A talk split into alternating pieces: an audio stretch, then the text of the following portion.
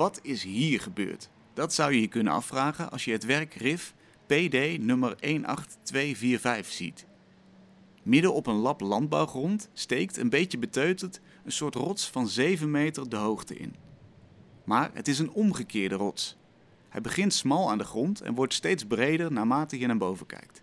De bovenkant bestaat uit een vlak plateau en er is een trap waarmee je de berg kunt beklimmen. Het lijkt alsof de hele omgeving om deze omgekeerde berg heen afgegraven is en alleen dit plukje is blijven staan. En eigenlijk is dat precies wat er gebeurd is.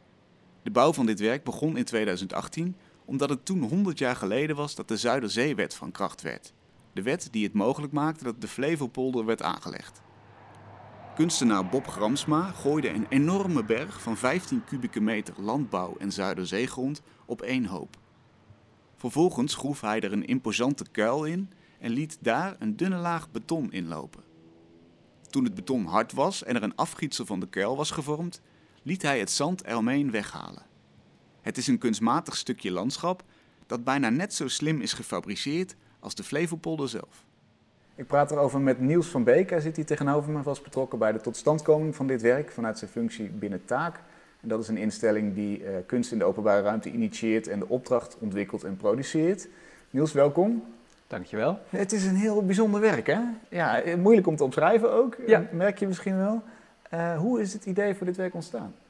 Um, nou, het, het, om te beginnen is het zo dat uh, het werk heel goed past in het werk van Bob Gramsma. Dus eigenlijk de, de, uh, de methode, hè, de strategie die hij heeft toegepast, die heeft hij in andere werken ook gedaan. Hij um, is van, zijn ouders zijn van oorsprong Nederlands, maar hij is een Zwitserse kunstenaar. En werkt daar ook veel met krachten van de natuur. En dan moet je je ook voorstellen in de bergen, hè, lawines die schuiven en dat soort dingen. Um, uh, dus die, die, geologische kant die speelt daar een sterke rol. Mm. Um, en nou ja, juist door het denken op die schaal was het een logische keuze om hem te vragen om hier wat te doen vanuit zijn manier van werken al. En nou ja, wat hij uh, vooral van belang vindt is dat zeg maar, het, het, proces ook de betekenis van het werk uh, met zich meebrengt. En dat het proces, inderdaad, zoals jij in je inleiding zei, een soort dubbeling is van wat daar al gebeurd is. Hè? Dus dat je, als je heel Flevoland als een soort één groot landschapskunstwerk kunt zien, een kunstwerk als het van Bob helpt om uh, het ook zo te ervaren. Ja, dus daar sta je onder en dan denk je, oh ja, eigenlijk is alles wat we hier zien ook ooit gemaakt. Ingepolderd, ja. uh, afgegraven, inderdaad, dat, dat, dat, is ontstaan. En de, of niet ontstaan, maar dat is gemaakt. Ja, ja. precies. Ja. En je zei net, in het proces ligt de betekenis. Dat, dat, ja. Wat betekent dat? Dat klinkt heel mooi, maar wat betekent het? Nou, kijk, bij Bob is het zo dat um, uh, zijn uitgangspunt is, uh, het is echt een beeldhouwkunstig principe. Um, hij zegt van het gaat wezenlijk over het in de wereld zijn. Hè? Uh, wat betekent het? Dat je plaats inneemt, dat je door de ruimte beweegt mm. en hoe je de ruimte kunt begrijpen waar je bent.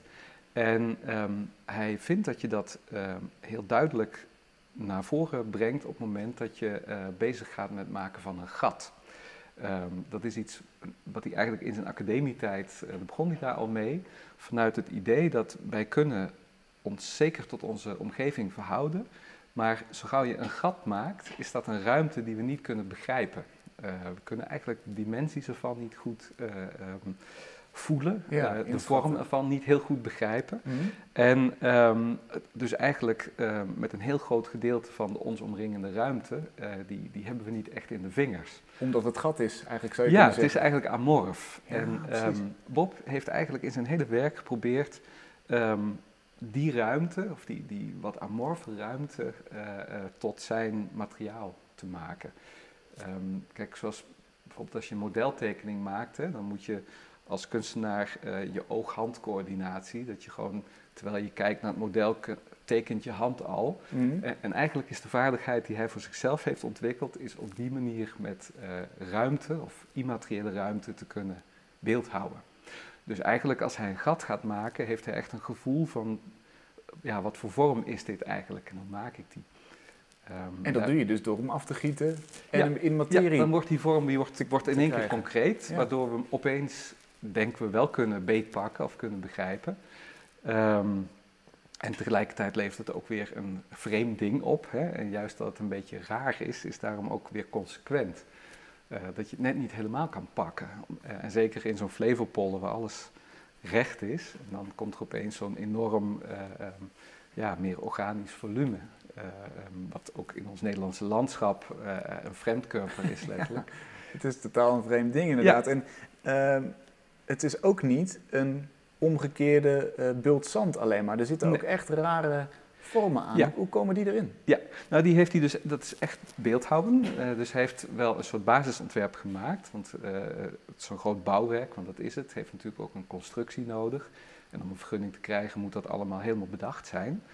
Um, maar uiteindelijk gaat het natuurlijk op, om de huid ook van het werk. Hè? Dus daar waar het beton tegen uh, um, zeg maar de, de, wand van het gat komt, um, uh, dat is ook wat je uiteindelijk aan de buitenkant ziet. Zelfs de kleur en, en meegenomen stenen en resten en zo, die zitten in de buitenkant van het werk. Mm. Dus toen eigenlijk die basisvorm was gemaakt, heeft Bob echt met, letterlijk met de hand, met het schop, um, het echte beeldhouden van de vorm gedaan. Dus ook van nou hier moet wat meer, hier moet wat minder.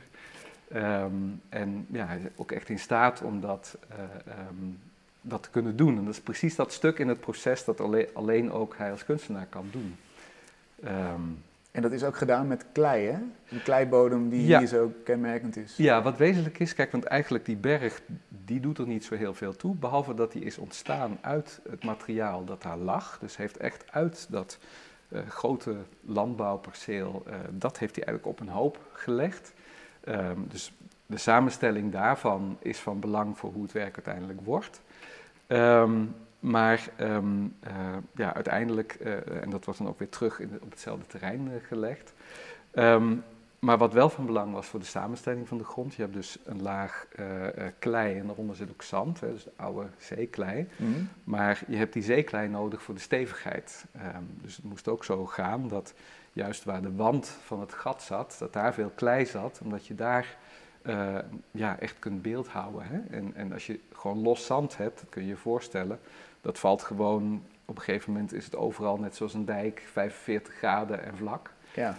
Uh, dus voor, voor, de, voor de vorm had je zeg maar die uh, die kleincomponent in de grond wel nodig. Ja, heel goed. Ja. Even dat mensen weten dat het geen ordinaire bult, bult uh, zand is. Nee, het is echt nee. met klei geboetseerd. En ja. er zit ook interessante, er zit ook een gat in, viel mij op toen ik er omheen liep. In het werk? Ja. Ja, ja dat? dat? is ook een belangrijk aspect. Um, er zitten gaten in die... Um, de bedoeling van Bob is dat dat werk um, niet... zoals je een sculptuur op een sokkel plaatst, hè, het is een object en dat is het... Uh, zoals eigenlijk het proces tot aan, tot aan uh, die vorm van belang is, is ook het proces daarna van belang. Dus hij zegt van eigenlijk is dat werk uh, voortdurend in verandering. Dus om te beginnen um, is het idee al dat het gebied eromheen nieuwe natuur wordt. Dus dat wordt met vooral water en zo, wordt niet meer bemalen. Vooral voor wa watervogels, weidevogels is dat van belang. Um, en uh, daarin, eigenlijk in die nieuwe natuur, gaat dat werk ook op. En die gaten zijn dan ook gemaakt zodat uh, vleermuizen en um, uh, nou ja, ook andere dieren, weet ik niet zo goed, maar die kunnen ook hun intrek nemen in dat werk. Precies. Ja. En, en daarmee onttrekt dat werk zich ook weer een beetje, net zoals het, als je denkt van nou, het is een wat vreemde vorm. Hè? en, en ook daarin onttrekt het zich een beetje aan onze ordening. Um, dus het krijgt gewoon een eigen natuurlijk leven. Um, het zal ook gaan verweren en dat soort dingen. En ik denk dat daarom ook van belang is dat, uh, dat je erop kunt en dat het aan de bovenkant zo heel vlak is. Want het is eigenlijk niet alleen als een soort uitkijkpunt bedacht. Dat heeft wel een beetje te maken ook met, met ja, het facet uh, uh, 100 jaar Zuiderzeewet. Uh, maar dat je ook eigenlijk pas bovenop snapt van wat, hoe is die vorm tot stand gekomen. Kijk, je kunt het horen in deze podcast of lezen ergens. Maar in de ervaring is het heel wezenlijk dat je er bovenop komt, omdat je dan ziet van, oh ja, het is, ik sta boven op een, uh, uh, op een afgietsel, feitelijk. Hè? Ja. Um, en uh, nou ja, daar is het dan weer heel vlak en daaronder is eigenlijk die natuurlijkheid. Dus eigenlijk kom je dan ook vanuit dat nieuwe natuurgebied, ja, stijg je daar eigenlijk ook weer een beetje bovenuit. Um, en daardoor kom je ook op dit soort gedachten van, ja, van wie is de natuur? wij maken er eigenlijk deel van uit, maar we doen net alsof we de natuur ingaan, alsof dat iets is wat we naar onze hand kunnen zetten. Mm. Ehm, ja, en allemaal van dat soort ja, contrasten en paradoxen, die, eh, die roept het werk dan op. Het is ook een dappere poging om eindelijk een keer een berg te krijgen in Nederland, Zeker, volgens mij. Van, zeker, van ja. een halve Zwitser natuurlijk. Ja, zeker, Dat, ja, eh, ja. Dat, dat is ook interessant. Wat ik ook mooi vond, als je eromheen loopt, dan zie je een soort poten, een soort houten poten. Het lijken bijna een soort uitvergrote ijsstokjes. Ja, wat je ziet feitelijk, dat zijn eh, gewoon de heipalen. Ehm, kijk, eh, Bob heeft ervoor gekozen dat het gat ehm, is natuurlijk echt een gat, ehm, zodat het ook niet helemaal tot de volledige diepte van die bult aarde is gegaan. Dus het heeft gewoon vormen waar het soms dieper zit en soms minder diep. Maar dat is natuurlijk niet iets wat vrij kan zweven, hè? dus dat moet ondersteund worden. Ehm, dus er is een constructieve eh, kant aan, maar tegelijkertijd eh, gedraagt zich dat beton ook een beetje zoals brons. Want ja, het beton van de heipalen en het beton van eigenlijk die schil, hè, die, die, van de sculptuur zelf, dat wordt zo ook één geheel. Ehm, net zoals als je een, zeg maar, eh, een, een bronsculptuur eh, hebt net gegoten uit de vorm haalt, dan zitten er ook nog allemaal van die luchtkanalen aan, waar natuurlijk ook het brons ingelopen is. Ah ja. In bijvoorbeeld bij Inter Guido Gele, Gele zie je dat ook zeg maar onderdeel van de sculptuur zitten. Hm. Ehm, en zo werkt het bij Bob ook een beetje. En ik denk dat, eh, ja, het is ook, ehm, er is een associatie met een rots, eh, maar het is ook van belang door dit soort palen dat die referentie aan bouwen, aan ehm, eh, ja, hoe wij dat ook gewend zijn op onze slappe bodem te doen bijvoorbeeld, ehm, dat wordt daardoor ook in het spel gebracht. En kunstmatigheid dus ook. Ja. Dat je, je Ja. blijft herinneren, oh ja, wacht even, dit is niet een echte rots of een natuurlijk Precies. gevormd materiaal, maar dit is kunstmatig. Ja. En ik denk ook, kijk, als het, het geheel helemaal op de grond zou staan, dan zou je er ook anders toe verhouden. Dan zou je er ook niet onderdoor kunnen lopen. Dus ook jouw lichamelijke beleving van het werk, en ik denk dat dat een heel belangrijk uitgangspunt is van het werk, eh, die is heel anders. Dus dat je er onderdoor kan lopen en zo. Dus daar heb je ook die eh, constructie voor nodig. Ja. Ja. We moeten het nog even over die naam hebben. Ik kan hem Ja. bijna niet uitspreken. Ja. RIF PD nummer 18245. Nou, ehm, Niet echt een catchy titel. een combinatie. Ja. Precies, RIF, eh, ehm, eh, zeg maar, eh, als, als roepnaam. Eh, RIF heeft natuurlijk te maken met eh, ehm, ja, ook een, een eh, muzikaal eh, eh, iets, hè? dus een soort van articulatie Ah, in de ruimte en in de tijd. Maar ook een koraalrif, eh, waar dus leven in en op kan ontstaan. Dus dat deel is, is zeg maar een meer poëtisch stuk.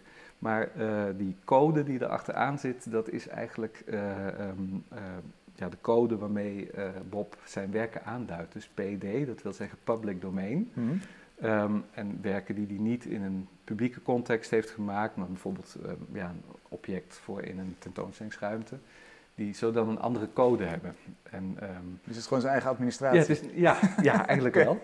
Ehm, maar het is natuurlijk wel van belang dat je daardoor ook weet van, oh ja, het is onderdeel in een, eh, in een serie werken, Ja. eh, in een bepaalde manier van denken. Ehm, en ik denk dat de ervaring van het werk zich nog verdiept als je ook ziet van, oh ja, het is eigenlijk eh, heel consequent in de ontwikkeling van zijn hele oeuvre. Het is niet, niet een, een enkel idee voor deze plek, maar eigenlijk zijn werk in een nieuwe context eh, gebracht. Eh, in, in de context van Flevoland, eh, ja, Nederland inderdaad ook. Dat is een stukje huiswerk dan voor, voor, Voor wie de rest van ja, zijn oeuvre wil. willen zien, inderdaad. Ja. Laatste vraag, hoe gaat de landschap, het landschap in de directe omgeving zich nog ontwikkelen? Want dat is, is in ontwikkeling, hè? Ja, is een ontwikkeling. Het was eigenlijk altijd al de bedoeling. Ehm, ook dat we, ja, we gingen kijken waar verschillende locaties ook eh, ehm, eh, kwamen in aanmerking om het werk voor te bedenken. Eh, overigens voor de keuze van de kunstenaar was gemaakt. Maar het was wel altijd het idee dat er nieuwe natuur zou ontstaan. En ehm, nou ja, kijk, landbouwgrond die wordt eh, altijd eh, kunstmatig droog gehouden. Eh, dat zal verdwijnen, dus het wordt voor een heel groot gedeelte een soort ja, natte, plassenachtige structuur. Ehm, er zal veel riet ontstaan en eigenlijk ook eh, ehm, op een gegeven moment naar de bosrand, een stukje verderop, eh steeds hoger struweel en, en ja, een beetje grillige bosjes. Een beetje moera- moerasachtig. Ehm, het zal niet zo heel erg gestyled worden, al is het definitief ontwerp volgens mij nog niet eh, eh, bepaald. Het is meer zo van zoveel procent water waar dit soort beesten het goed op doen. Eh, zoveel procent eh, ehm, ja, bossages waar deze vogels weer goed in kunnen broeden. Zo is er eigenlijk over nagedacht. Ehm, maar het is wel het idee dat uh, ja, je zult via een soort pad of zo naar het werk kunnen komen. Maar verder uh, ja, zal het heel nat en drassig uh, zijn. Ja. En we hebben dus nu ook de kans om het werk te leren kennen in een omgeving die eigenlijk gaat veranderen. Dus Ja. je kunt het in verschillende stadia zou je het kunnen bekijken. Zeker, ja, zeker. Ja, je kunt eigenlijk ja, met, met de jaren eh, eh, het meezien eh, zien veranderen. Ja. Nou, dat moeten we zeker doen. En dan kunnen we gaan letten op, op ijsstokjes, op gaten, op het plateau. eh, een heleboel, eh, nou, de vormen Ja. van, van de Zuiderzeeklei, zeg maar, aan de zijkant. Dus een hoop nieuwe dingen geleerd, volgens mij, om, eh, om naar te kunnen kijken. Dankjewel, Niels. Graag gedaan.